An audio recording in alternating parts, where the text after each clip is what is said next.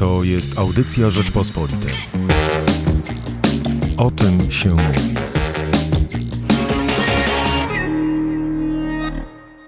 A ostatnio bardzo dużo dzieje się w energetyce. W energetyce, no i w wielkiej polityce, e, oczywiście obie te e, sfery od siebie e, zdecydowanie zależą. Dlatego dzisiaj porozmawiam z ekspertem właśnie od energetyki. Ja nazywam się Michał Płociński, a ze mną jest Jakub Wiech, dziennikarz gospodarczy, eseista, poeta, redaktor portali Defense, Defense24 i energetyka24.pl. Cześć. Cześć, dzień dobry. Przepraszam za to defense. W ogóle nie pomyślałem, że portal może nazywać się po angielsku. Turów, Bełchatów, Nord Stream 2, spotkanie Joe Bidena z Władimirem Putinem. Czy ty w ogóle masz czas, żeby sypiać ostatnio?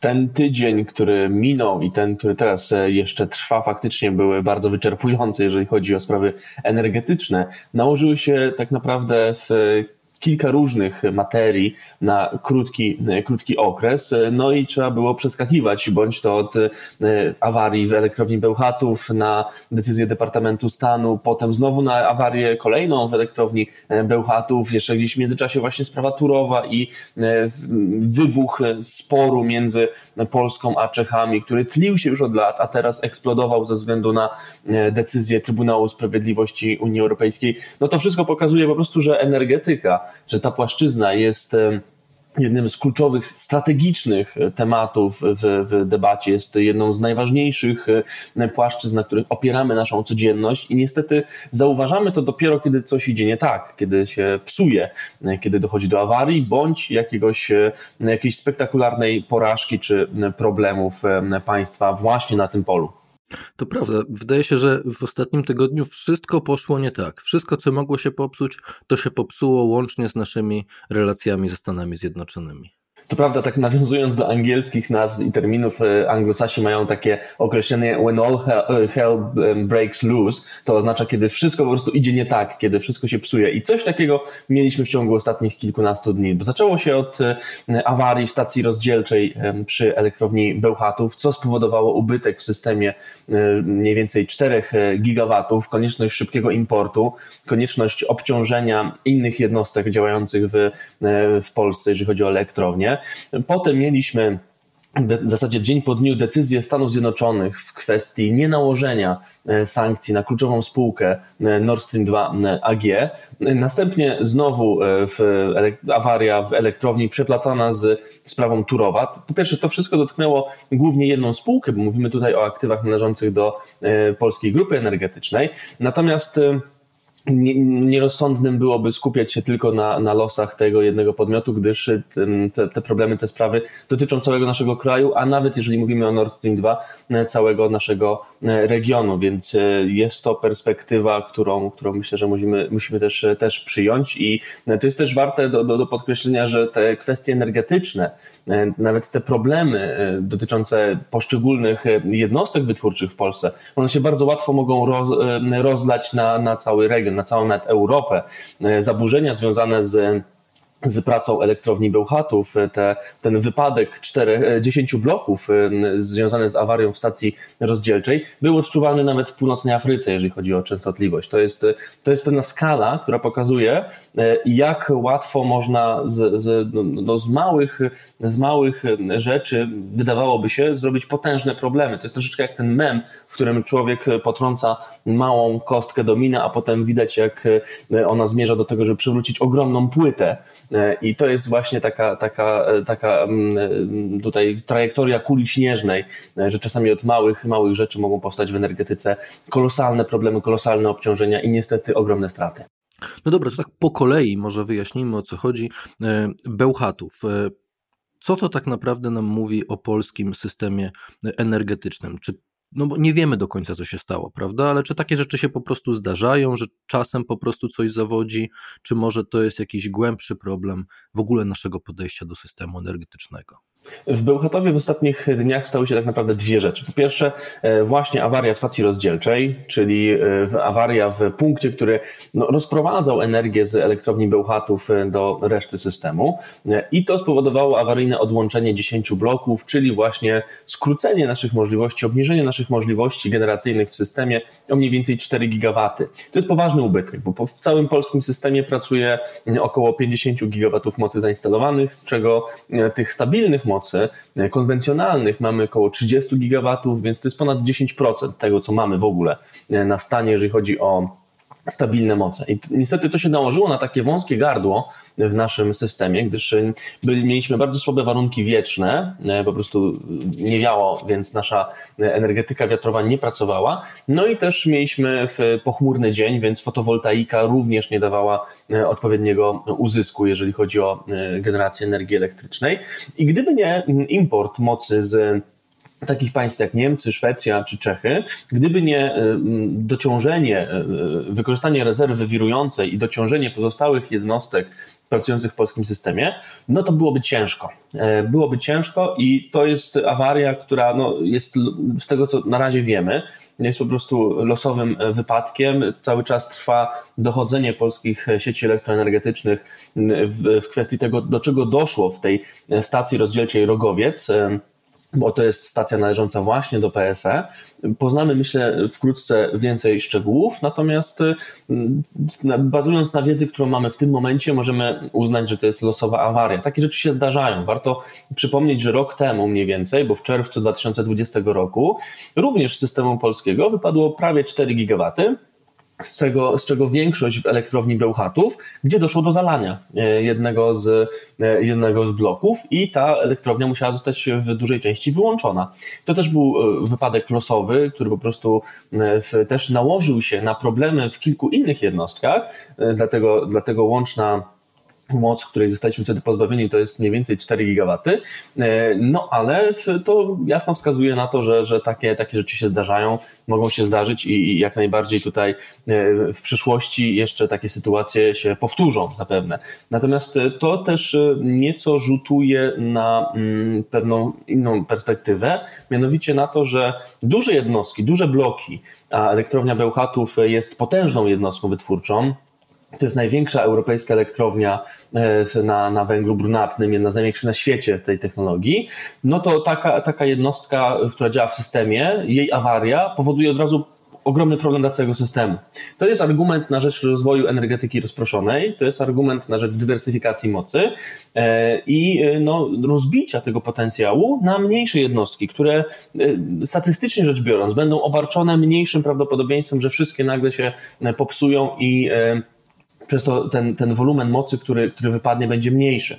No czyli czekaj, czekaj, czyli zamiast y, wielkiej elektrowni jądrowej, małe bloki jądrowe, tak? Y, małe bloki, znaczy akurat y, tutaj w te elektrownie jądrowe, których jeszcze nie mamy, to jest to taka pieśń przyszłości i tutaj one będą pracować w podstawie, więc to jest właśnie, mm, żeby dobrze zrozumieć tę perspektywę, to my nie jesteśmy w stanie przeskoczyć teraz w całości na energetykę rozproszoną, która jest energetyką prosumencką i składa się ze źródeł odnawialnych, y, które są niestety niesterowalne. E, dlatego musimy pewnego rodzaju fundament utrzymywać cały czas w tej energetyce dużej, konwencjonalnej, zawodowej. Natomiast chodzi tu o to, żeby właśnie poprzez instalację odpowiednich mocy w energetyce rozproszonej, w energetyce prosumenckiej, minimalizować to obciążenie dla systemu, jakie będzie generować energetyka, e, tutaj ewentualny problem w energetyce zawodowej, żeby to kompensować e, te moce w energetyce zawodowej nowymi nowymi mocami w energetyce rozproszonej. E, no i tutaj ta elektrownia jądrowa to są jednostki, które się buduje, żeby pracowały w tak zwanej podstawie, to znaczy one mają działać na odpowiednim poziomie mocy cały czas, żeby być nieustannym substratem miksu energetycznego, mniej więcej w, w, w, tym samym poziomie, jeżeli chodzi o generację energii elektrycznej. To znaczy, jeżeli stawiamy sobie elektrownię jądrową, stawiamy ją z założeniem, że ona przez no mniej więcej cały czas będzie dawać tam e, to, ten sam wolumen energii elektrycznej. Natomiast e, tutaj w Bełchatowie jeszcze doszło tydzień później po tej awarii stacji rozdzielczej do kolejnej awarii, do pożaru taśmociągu, co również jest kolejnym argumentem właśnie na rzecz zwiększenia możliwości e, e, w zakresie energetyki prosumenckiej, co z kolei w Polsce jest niejako problematyczne, gdyż e, mamy przyblokowaną, przyblokowane inwestycje w, mm, w energetykę wiatrową na lądzie w związku z ustawą odległościową, która miejmy nadzieję będzie wkrótce odblokowana. I trochę tych mocy przyrośnie, bo od 2016 roku no, praktycznie żadnych istotnych mocy w wietrze na lądzie nie, nie uzyskaliśmy, a bardzo by nam się to pomogło, przydało właśnie w sezonie letnim, bo w sezon letni cechuje się e, zwiększonym zapotrzebowaniem na energię elektryczną i bardzo bym się obawiał, co by było, gdyby taka awaria jak ta w Bełchatowie sprzed e, tygodnia miała miejsce na przykład w sytuacji szczytowego zapotrzebowania na moc w lato. To wtedy mielibyśmy bardzo poważny problem. Żeby kupić, rozumiem, tak? Żeby utrzymać stabilność systemu, to nawet e, ten import, który, na którym moglibyśmy polegać, on wtedy też byłby pewnie ograniczony, bo e, warunki atmosferyczne, które w sezonie letnim e, dyktują zwiększone zapotrzebowanie na moc, one były, utrzymywały się na no powiedzmy, że mniej więcej całym regionie Europy Środkowej, znaczy też w Niemczech, w Czechach, na Słowacji. I przez to mielibyśmy problem na przykład jeżeli w Niemczech nie wiałby wiatr i ich wiatraki stałyby po prostu bezczynnie, nie generując albo generując bardzo mało e, energii, e, a że Niemcy właśnie też mają bardzo energochłonną gospodarkę i mają też problemy pewne z mocami, jeżeli chodzi o stabilne moce, bo wyłączają swoją energię jądrową, no to jeżeli Niemcy nie, da, nie byliby w stanie tam oddać części swoich mocy i tak samo by Czesi mieli problemy z, z importem tych mocy do Polski, no to awaria w elektrowni w elektrowni Bełchatów, pokroju takiej jak, jak ostatnio, mogłaby nam znacząco, znacząco zdestabilizować system, utrudnić w ogóle pozyskiwanie e-, energii elektrycznej dla zaspokojenia naszych potrzeb. No i tu już możemy snuć pewne teorie na temat tego, czy byłby blackout, jeżeli tak, to jak duży, czy rozbił, rozdałby się na całą Europę. Natomiast no, to jest właśnie przyczynek też do, do dyskusji na temat kompleksu turów, bo e, tutaj mówimy również o odłączeniu z systemu zauważalnych, istotnych mocy, tylko już z innego powodu, nie z powodu awarii, co e, ze względu na postanowienie Trybunału Sprawiedliwości Unii Europejskiej. Chociaż biorąc pod uwagę charakter sporu z Czechami i to, jak się to toczył, to można powiedzieć, że to jest taka prawna awaria dla polskiego państwa. E, natomiast jest to też niestety okoliczność bardzo niebezpieczna dla polskiego systemu elektroenergetycznego. Myślisz, że mogliśmy uniknąć e, sytuacji z Turowem? Mogliśmy dogadać się wcześniej z Czechami? Myślę, że tak. Myślę, że był taki potencjał. Z tego, co słyszałem, z tego, co e, dowiedziałem się, monitorując tę sprawę, to mogliśmy się wykazać nieco dalej idącą e, mm, inicjatywą w kwestii rozwiązania tego sporu polubownie. Moglibyśmy się e, postarać nieco bardziej, żeby spełnić e, roszczenia, czy zaspokoić e, tutaj naszego czeskiego sąsiada, na pewno mogliśmy uniknąć doprowadzenia tego sporu przed Trybunał Sprawiedliwości. To jest coś, co jest takim szczytowym e, etapem ewolucji tego konfliktu, który się tlił już od kilku lat i który niestety z polskiej perspektywy był traktowany trochę jako e, taka mm, sąsiedzka kłótnia, z której wiadomo, że nic nie wyniknie, więc nie warto w ogóle nawet się angażować e, na pełną skalę i można to potraktować jako coś, co się no, niejako samo rozwiąże. To znaczy, tam dużo, dużo e, popełniliśmy zaniechań jako strona, strona polska i teraz te zaniechania się na nas mszczą. To znaczy, właśnie e, przede wszystkim nie staraliśmy się tego utrzymać na płaszczyźnie polubownej i e, mogliśmy te same środki, które teraz e, podejmujemy, żeby przekonać Czechów do wycofania skargi z Trybunału Sprawiedliwości, mogliśmy to wdrożyć znacznie wcześniej nie ryzykując w ogóle wybuchem tego konfliktu na, na taką skalę. No teraz wszyscy się dowiedzieli o Turowie. Teraz wszyscy dowiedzieli się o tym, że Czesi mają jakieś pretensje względem tego kompleksu i że on powoduje jakieś, e, jak twierdzi Praga, e, szkody hydrologiczne po stronie czeskiej. Chociaż ta sprawa, no, środowisko energetyczne już, już e, interesowała od dawna i ona się tliła od dawna a teraz dopiero się dowiedzieliśmy, niestety, skutek pewnej porażki i skutek e, bardzo restrykcyjnego i moim zdaniem niesprawiedliwego środka tymczasowego, jaki nałożył Trybunał Sprawiedliwości. No ale teraz e, jesteśmy w takich, a nie innych okolicznościach i musimy grać tak, jak nam pozwalają te, te uwarunkowania. Niestety dla nas jest to gra w tym momencie na, e, no, na negocjacje z Czechami i na, na zaspokajanie czeskich tutaj pozycji negocjacyjnych. Zwłaszcza, że gramy na podwójnym musiku, na takim podwójnym przyparciu do ściany, bo z jednej strony mamy sytuację, w której e, wyłączenie Turowa jest dla nas nieakceptowalne i to nie tylko jeżeli chodzi o moce, które byśmy się pozbawili, jeżeli chodzi o system elektroenergetyczny, ale to też e, e, w związku z tym, że tam jest, jak stwierdziły polskie sieci elektroenergetyczne, ważny węzeł przesyłowy energii elektrycznej, który by nam utrudnił import energii z Niemiec, to jest jedna kwestia. Druga jest taka, że rząd zbliży się teraz do podpisania umowy z górnikami, do ostatecznego podpisania tej umowy społecznej, która zdecyduje o końcu górnictwa węgla kamiennego na Śląsku. Więc trochę głupio byłoby, żeby akurat ta sprawa, która jest naprawdę wagi historycznej w Polsce, która jest e, moim zdaniem ogromnym sukcesem polskiego rządu, e, sukcesem, którego być może teraz nie doceniamy jeszcze w pełni i który jest traktowany po części słusznie, jako może zbyt mało ambitny, ale jednak udało się w tym momencie e, pierwszej ekipie w historii przeforsować decyzje i porozumienia, które będą kończyć etap górnictwa węgla kamiennego w Polsce de facto. I głupio by było, gdyby właśnie tak duża rzecz jakoś schowała się e, w, w cieniu sporu o elektrownię, o kopalnię, sporu, którego mogłoby po prostu nie być. No, mamy jeszcze z mojej perspektywy najciekawszy temat, y, czyli Nord Stream 2. Y, o co chodzi? Czy Amerykanie naprawdę wycofują się z sankcji na budowę y, tego gazociągu? Czy on zostanie dokończony? Czy już koniec? Czy już musimy się z tym pogodzić? Czy Niemcy staną się gazowym hubem dla całej Europy? Wielu komentatorów odnosząc się do tej sprawy stwierdziło, że Stany Zjednoczone znoszą sankcje na Nord Stream 2. To nie jest prawda. Sankcje, wręcz przeciwnie, zostały nałożone. Dodatkowe sankcje dotykające przede wszystkim statków, które układają to połączenie.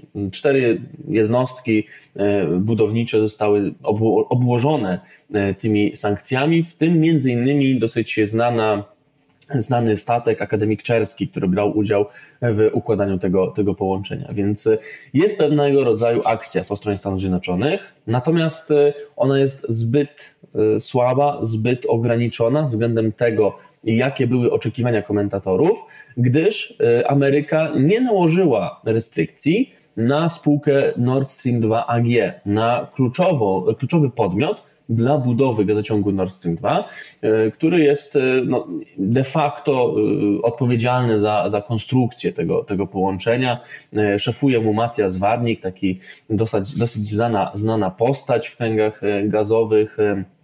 I, I z tego względu, ze względu na brak tychże sankcji, jest pewien niedosyt, jest rażący niedosyt, można powiedzieć. Zwłaszcza, że to ta, taka decyzja, takie postawienie sprawy przez Waszyngton trochę wykoleiło narrację, jaką dotychczas przyjmowali zarówno prezydent Biden, jak i sekretarz stanu Antony Blinken, jego w ogóle cały Departament Stanu. Otóż Biden i Blinken mówili, że po pierwsze Nord Stream 2 to jest zły interes dla Europy, że będą robić wszystko, co w ich mocy, żeby ten gazociąg nie powstał. E, no i idąc tym tropem, idąc też od pewnej pozycji wyznaczonej jeszcze przez administrację prezydenta Trumpa, która w ostatnim pełnym dniu swego urzędowania e, nałożyła sankcje na barkę Fortuna i jego, jej właściciela, czyli też na jednostkę układającą Nord Stream 2, no to tutaj liczyliśmy, że ta stawka będzie tylko podbijana wzwyż, podbijana znacznie mocniej wzwyż, Wiesz, właśnie w międzyczasie też e, Joe Biden nazwał prezydenta Putina e, mordercą. W międzyczasie dowiedzieliśmy się o tym,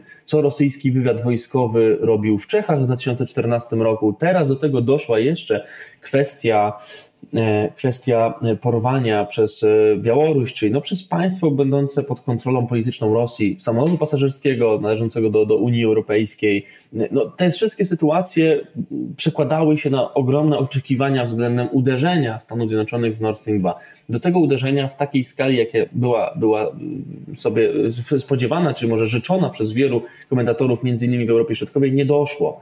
Mamy takie sankcje kadłubkowe, które mogą rozciągnąć jeszcze ten okres budowy Nord Stream 2, natomiast nie przeszkodzą w układaniu tego, tego połączenia. No i teraz można zadać sobie pytanie, co dalej? I opcje są tak naprawdę dwie. To znaczy, możemy przyjąć, że USA zgodziły się e, na budowę Nord Stream 2, pogodziły się z tym i nie będą już w żaden sposób przeszkadzać w realizacji tego projektu.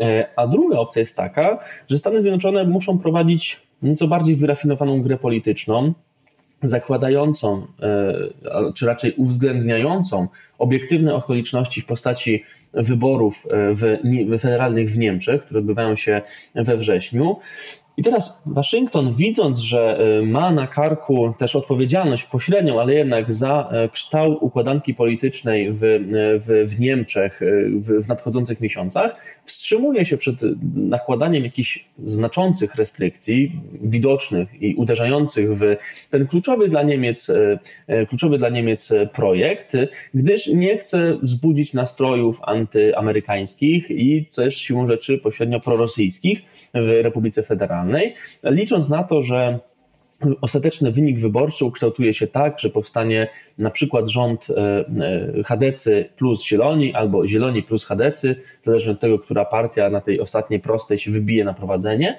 I taka układanka polityczna, taki, taki format e, władzy w Berlinie byłby dla Amerykanów bardzo pożądany, myślę, w kontekście właśnie zatrzymywania Nord Stream 2, bo Zieloni to jest jedyna partia na niemieckiej scenie politycznej, która nie chce tego gazociągu. Więc oni w rządzie mogliby utworzyć taki podatniejszy grunt pod amerykańskie restrykcje, a Stany Zjednoczone mają jeszcze parę asów w rękawie, bo na przykład mogą obłożyć sankcjami spółki czy podmioty certyfikujące gazociąg Nord Stream 2, a nawet w ostateczności również firmy będące ostatecznymi odbiorcami gazu płynącego przez to połączenie, co spowodowałoby, że Nord Stream, Nord Stream 2, chociaż ukończony technicznie, stałby pusty. Więc to jest też na stole. Myślę, że Ameryka trochę się boi, że takie restrykcje w tym momencie, tak daleko idące sankcje, mogłyby zmienić tę sytuację w Berlinie i na przykład pchnąć zielonych w objęcia takich partii jak SPD czy Die Linke, które są no, jawnie prorosyjskie.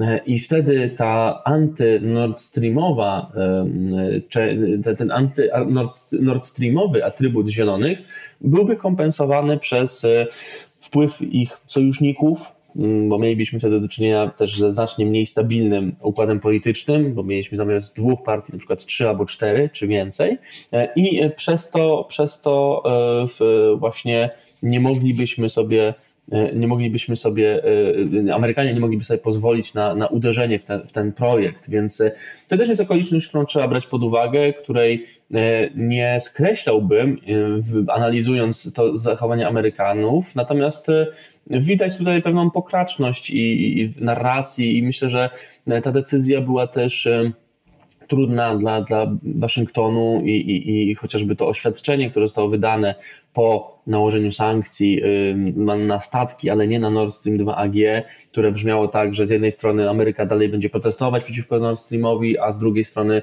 zrzeka się sankcji na kluczowy podmiot w imię własnego interesu narodowego, albo to, co powiedział e, prezydent Biden, przyłapany przez korespondenta Polskiego Radia, że no, nie chcemy naruszać sobie relacji z Europą, co jest no, nieprawdą, bo Europa jest podzielona w kwestii Nord Streamu i tutaj to jest w, w, w słowach Bidena raczej pobrzmiewa taki eufemizm, y, gdzie Europa zastępuje po prostu Niemcy, no to jest coś, co, co rzutuje na wiarygodność Ameryki, zwłaszcza w obszarze Europy Środkowej, dla której Nord Stream 2 jest największym zagrożeniem.